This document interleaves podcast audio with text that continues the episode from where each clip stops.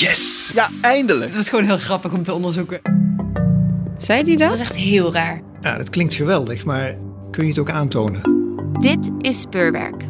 Wij brengen je de hoogtepunten van Investigo's nieuwste publicaties en laten je zien hoe journalisten te werk gaan. Ik ben Sylvane van den Braak. En ik ben Simone Peek. Deze aflevering gaat over Deze man heeft dus 20 jaar bij een meubel- en stoffeerdersbedrijf gewerkt.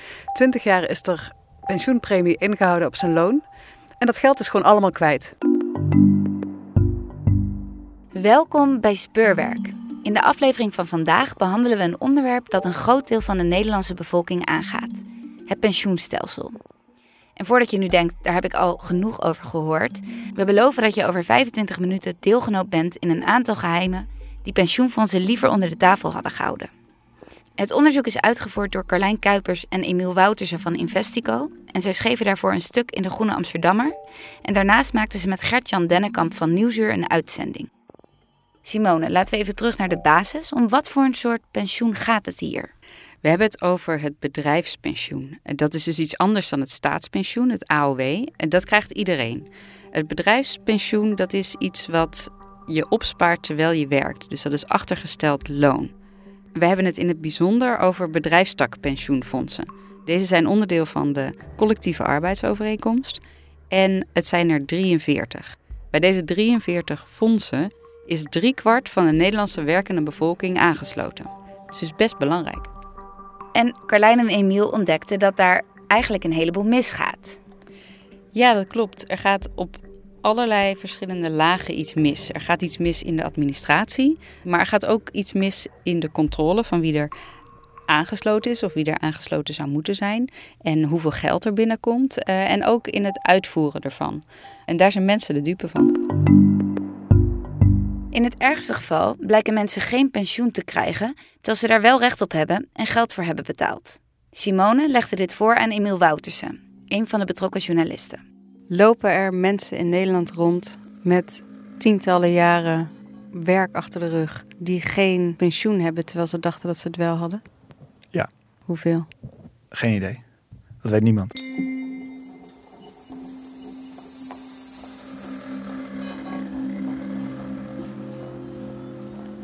Wij horen van zoveel mensen dat er zoveel misgaat in de administratie van deze fondsen. Dat ik er zeker van ben dat, uh, dat er mensen nu rondlopen die werken, denken dat ze pensioen krijgen en dat niet krijgen.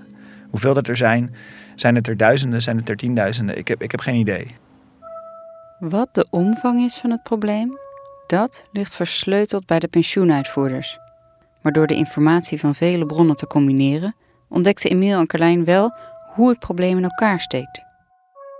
Nou, we concluderen dat de administratie van pensioenfondsen aan alle kanten rammelt. Dat pensioenfondsen niet controleren of de gegevens die werkgevers afdragen wel kloppen. Terwijl dat heel belangrijk is, want dat is de hele basis van, van je pensioenpot. En als werknemers niet de juiste bedragen inleggen, kom je aan het eindgeld tekort. Um, dus daar doen ze geen controles op. En als ze wel controles doen, dan wordt het soms onder de pet gehouden, wordt het een beetje stilgehouden. En eigenlijk zien we dat, dat alle mensen in die wereld er gewoon geen probleem bij kunnen hebben. En dat ze het allemaal een beetje stil willen houden. Om mensen te vinden die in de problemen kwamen door slechte pensioenadministratie, onderzocht Carlijn de rechtszaken die hierover zijn gevoerd. In het archief van de rechtspraak vond ze de zaak van Sjoerd. Ze ging bij hem langs.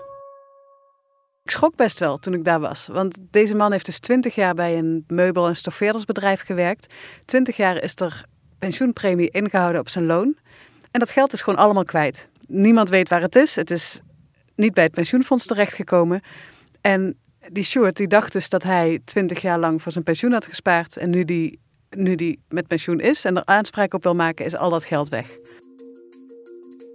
Meubelmaker Sjoerd woont al 50 jaar met zijn vrouw Simmy in een 201 kapwoning. Ondanks zijn pensioen klust hij nog elke dag. Hij heeft er van alles gebouwd: een grotere keuken, een uitbouw. Simmy werkt ondertussen aan kleurrijke schilderijen van tulpen en vogels. Ze wonen in Noordoost-Friesland. We mochten de opname van het gesprek laten horen, maar Sjoerds vrouw waarschuwt wel voor haar dialect. Maar ja, wij, wij zijn Friesen en dat hoor je direct. Dat hoor je ook direct. Dan kun je toch niet zo uiten als, uh, als in Ja, het Fries niet. dat nee. snap ik wel. Nee, je kunt je toch niet zo uiten. Ja, Nee. ja. Nee. Sjoerd was de enige werknemer van zijn baas. Ook moest hij naar eigen zeggen het meeste werk doen. Maar hij is niet iemand die snel klaagt. Ik heb wel uh, meegemaakt dan was het s'nachts 32 graden onder nul. En dan was het overdag 15 graden en dan stonden wij buiten te timmen. Ja, maar, maar prachtig. Is dat niet veel te koud? Nee, valt mee. Sjoerd had er meer dan 40 jaar werk op zitten. Pas toen hij stopte kwam hij erachter dat er iets mis is gegaan. Ik ging met pensioen met uh, 41. Ja. Ja, en dan, en dan uh, ze zoveel krijg je later. En van die datum af, hè, van toen Ja. ik begon, ik denk die datum, ik werk al veel langer bij deze firma. En dan begint het gedonder. Het pensioenfonds zegt geen geld te hebben gekregen. Als bewijs dat hij wel betaald heeft, zoekt Sjoerd oude jaaropgaven op. Ook contacteert hij de oude bedrijfsaccountant. De baas heeft altijd betaald, zegt die accountant. Maar de baas is overleden en er zijn geen bewijzen meer. Dan leg je daar, god, dan denk je, dan heb je altijd betaald. Ja. En nou, en nou eh, bij- is er ver en dan betalen ze er niet uit. Ja. Want het is gewoon 20 jaar ingehouden op je loon. Ja, ja, 20 jaar hebben, moesten ze be- betaald hebben. Toen zei ik ook tegen jou, nou, ik zei, als die baas het niet betaalt, hè, ik zei dan, eh, moet er toch altijd nog iets wezen. Nou, weet je, Maar eh, ja, nee. het, een, het bedrijf is inderdaad verantwoordelijk om het te betalen. Ja. Dus, Ja. maar als die het niet doet, dan moet het fonds uitbetalen. Ja. Alleen het hele punt in, in jouw zaak was dat het fonds zei: nee, je moet niet bij ons zijn, maar bij het andere fonds. Ja. Oh, en, ja. en daar ben je eigenlijk de dupe van geweest. Want eigenlijk Ja. als, als het gewoon. Kijk, jij werkte als stoffeerder en dan viel je onder meubel. Ja. En zij zeiden: nee, ja, jij bent wel stoffeerder, maar het bedrijf waar je werkte, dat is dan weer niet stoffeerder. Ja. En als dat Ja, gewoon zo. duidelijk was geweest, Ja. dan had je ja. gewoon je geld gehad. Nou, ja. Ja. Sjoerd weet het maar al te goed. Hij heeft twee rechtszaken gevoerd over zijn uitgestelde loon.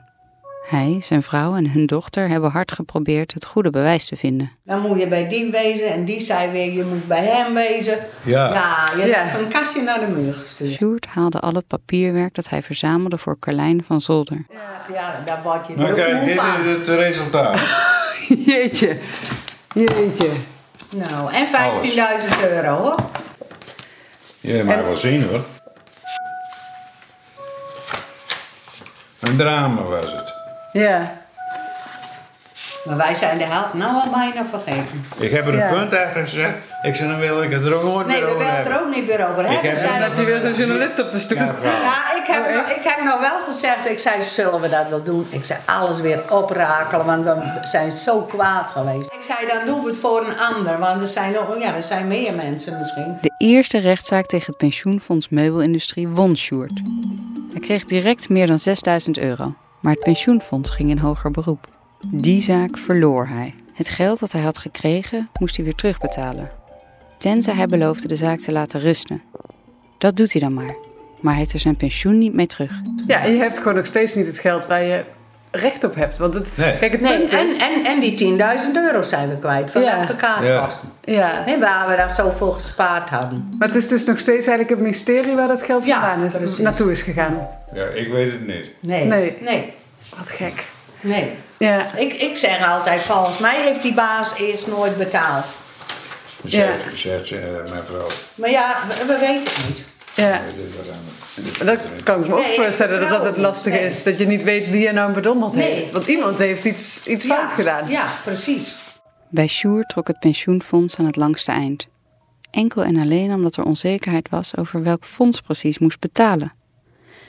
Om te voorkomen dat er plots een pensionado op de stoep staat die geld eist, moeten de bedrijfstak pensioenfondsen zelf bijhouden welke bedrijven er onder hun fonds vallen. Afgelopen zomer leidde dit tot een absurde rechtszaak. En nu hadden we dus een zaak van een pannenkoekenbedrijf. Dat zei, nee, wij vallen niet onder het pensioenfonds voor koek. Want we zijn geen koek, we zijn een pannenkoek. En dat fonds zei, jullie vallen wel onder ons fonds. Want pannenkoek is wel koek. Dus was er een uitspraak in de rechtbank ehm, over de vraag of pannenkoek koek was. En dan gaat die rechter dus eerst in, in, de Vandada lezen van wat is de definitie van pannenkoek. Dan komt er een heel, hele uitleg over hoe die rechter het consumeren van pannenkoek ervaart.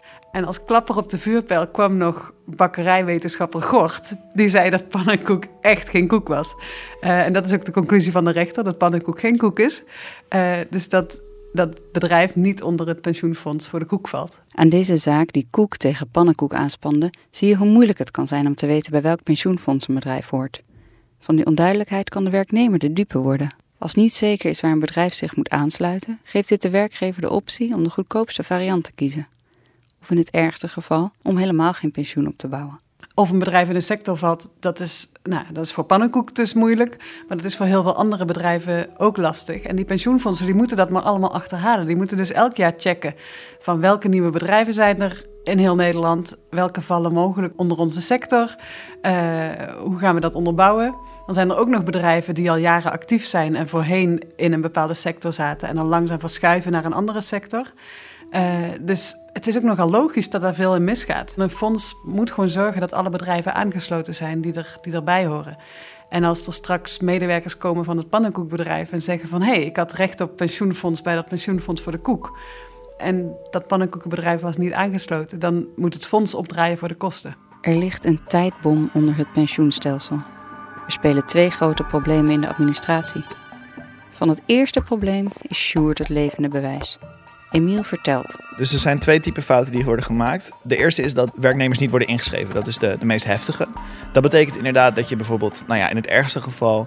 Uh, 40, 50 jaar in een sector werkt en erachter komt aan het einde van je carrière dat, er, dat het pensioen wat je beloofd was, dat het er niet is. Dat je dus alleen maar AOW krijgt, alleen maar staatspensioen. Als jij kan aantonen dat je wel die 40, 50 jaar in die sector hebt gewerkt, dan moet het pensioenfonds jou alsnog betalen. Dat staat in de wet. Het pensioenfonds is daar verantwoordelijk voor. Dan moet je dus wel kunnen aantonen dat je salarisstroken bijvoorbeeld nog hebt. Of dat je op een andere manier kan laten zien van nee, ik ben inderdaad 40, 50 jaar bij die firma werkzaam geweest. Je kan je al voorstellen dat dat lastiger is als jij in verschillende sectoren hebt gewerkt. Of verschillende soorten contracten. Maar in principe lukt het nog wel vaak om dat aan te tonen. Dan is het pensioenfonds aansprakelijk. Die zal die schade waarschijnlijk gaan verhalen op jouw vorige werkgever. Maar ja, als die, er, als die failliet is of als die failliet daardoor gaat, dan heeft het pensioenfonds een probleem. Dat is de ene fout die er, die er bestaat. Het eerste probleem zie je als je niet oplet pas wanneer je met pensioen gaat. Maar het is ook eerder al makkelijk te controleren. Als het goed is, krijg je brieven van jouw fonds. Je moet die brieven openmaken en de bedragen met je loonstrookje vergelijken. Ook kun je zien of je bij het juiste fonds bent aangesloten. Toch doen maar weinig mensen dit.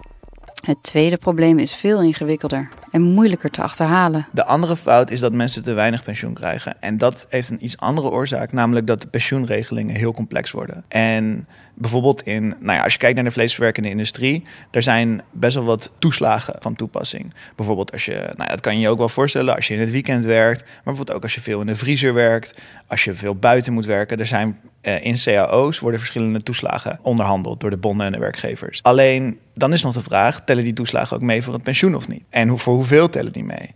Nou ja, wat, wat ons nu verteld wordt, is dat die regelingen zo complex worden en dat het zo moeilijk en tijdrovend wordt, dat daar heel veel in misgaat en dat daar. Kijk, je kan je ook voorstellen dat als je als werkgever niet zeker bent of je pensioen moet afdragen voor de koude toeslag, ja, dan doe je het niet.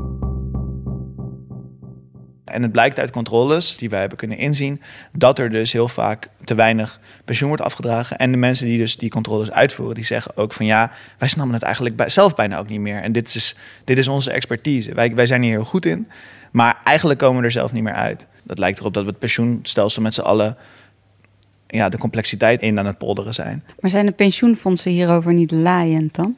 Ja, dat is dus een hele interessante. Uh, je zou zeggen van wel, maar het lijkt erop dat dit zo'n groot probleem is. Want eigenlijk waar het op neerkomt is dat de administratie is lek. Die IT-systemen zijn te ingewikkeld. En dat dit zo'n groot probleem is dat als je toegeeft dat dit probleem bestaat, dat het oplossen van dit probleem eigenlijk nog veel ingewikkelder wordt dan het te laten bestaan. Het is een gigantisch probleem dat de pensioenen van driekwart van de werkende bevolking raakt en dat de pensioenfondsen het liefst geheim willen houden. Dit werpt de vraag op: hoe kan het dat Carlijn en Emiel erachter konden komen? En hoe weten ze dat het overal speelt? We hadden dus aanvankelijk informatie dat het om twee pensioenfondsen ging. Nu hebben we op basis van jaarverslagen nog een aantal pensioenfondsen gevonden waar het misgaat. En we zijn ook bij de toezichthouders geweest, dus bij de Nederlandse Bank en AFM, de Autoriteit Financiële Markten.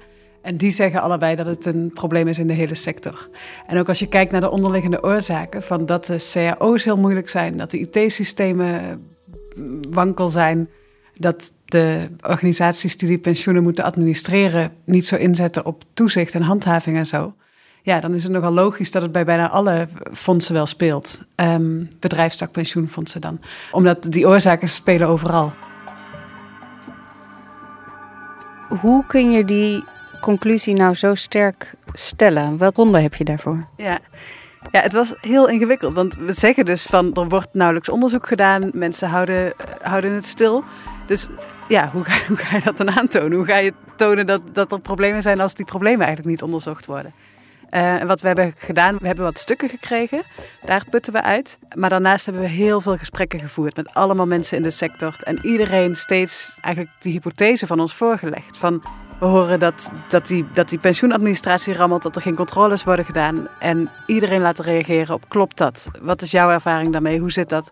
En door eigenlijk dat hele veld af te gaan, hebben we zoveel bronnen verzameld dat we, dat we voldoende informatie hebben om nu te zeggen van dit is echt een probleem dat, dat op heel veel plekken speelt. En daarnaast hebben we wat kleine cijfers opgevraagd. Dus we hebben met interviews um, ons verdiept in hoe je dat dan moet doen, hoe je die controles moet doen. En een voorbeeld van een van de dingen die pensioenfondsen noemden was dat je bijvoorbeeld een koppeling moet maken met het UWV. Want daar kan je dan een check doen die heel belangrijk is. Dat vonden we door die interviews en uiteindelijk zijn we UWV gaan vragen van hoeveel fondsen doen die check dan. En het blijkt maar de helft te zijn. En bij sommigen werkt die ook nog niet.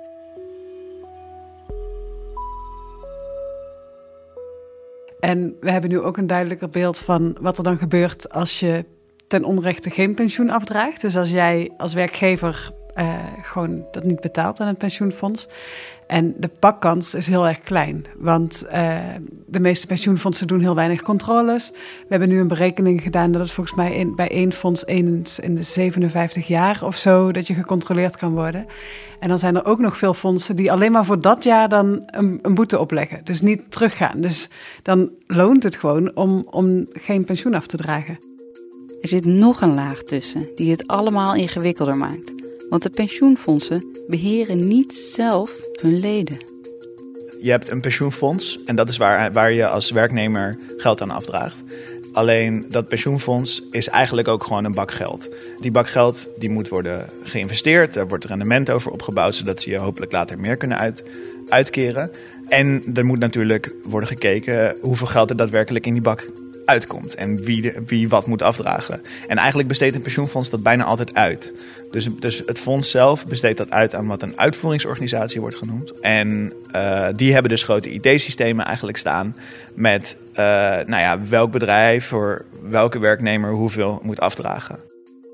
Die werkt dus in, in opdracht van het pensioenfonds. Het pensioenfonds is uiteindelijk aansprakelijk, maar spreekt af met de pensioenuitvoerder Jij gaat voor mij, voor zoveel geld, ga je dit doen. Maar ja, je merkt al dat daar wordt natuurlijk in geconcurreerd. En dan is dus zo'n controle of die gegevens wel allemaal kloppen en of die gegevens juist zijn, kan erbij inschieten als de vraag wordt of het nog wel betaalbaar is.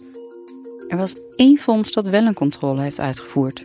Het gaat om het Fonds voor Houtverwerkende Industrie en Jachtbouw. Uh, en dat is een van de weinige fondsen die überhaupt een onderzoek hebben laten doen naar hoeveel pensioenen ze nou mislopen, hoeveel mensen ze missen in hun administratie.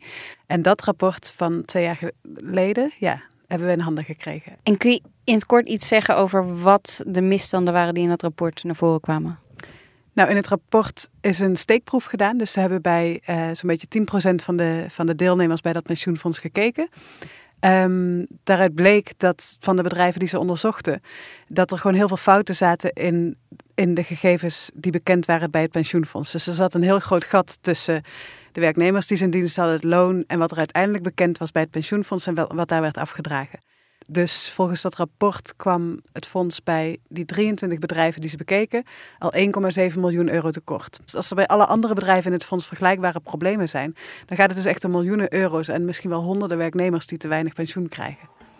En eh, daar is dus niet echt een follow-up op geweest, uh, blijkt uit jullie onderzoek. Nee, uh, dat bestuur zegt ook, ja, we, we, waren druk met andere dingen. En dat geloof ik ook wel echt. Van de pensioenwereld, daar verandert ontzettend veel. Ze moesten van de ene, uh, het ene IT-bedrijf dat de administratie deed naar een andere. En toen weer naar een andere en weer naar een andere. En dat is, dat is ook heel vervelend. Dus het, het was een beetje te veel. Maar dat neemt niet weg dat ze dus gewoon eigenlijk niks met dat rapport hebben gedaan. Ik hoorde dat er ook wel gelogen is. Is, is dat misschien iets waar we het over kunnen hebben? Uh, dat er gelogen is tegen jullie in het onderzoek. En uh, waarover is gelogen en hoe ben je daarmee omgegaan? Ja, we hebben denk ik twee weken geleden hebben we het bestuur van het fonds benaderd. En hebben we ze gezegd van uh, we hebben dit rapport. Um, wat is jullie reactie daarop? Wat hebben jullie daarna gedaan? Toen zei de voorzitter van dat fonds: Oh, we hebben een, een tweede rapport laten maken. En daaruit blijkt dat het eigenlijk niet klopt wat er in dat rapport staat. We kunnen alle grote verschillen kunnen we verklaren. Maar toen zijn we verder gaan checken. En toen bleek dat tweede rapport helemaal niet te bestaan.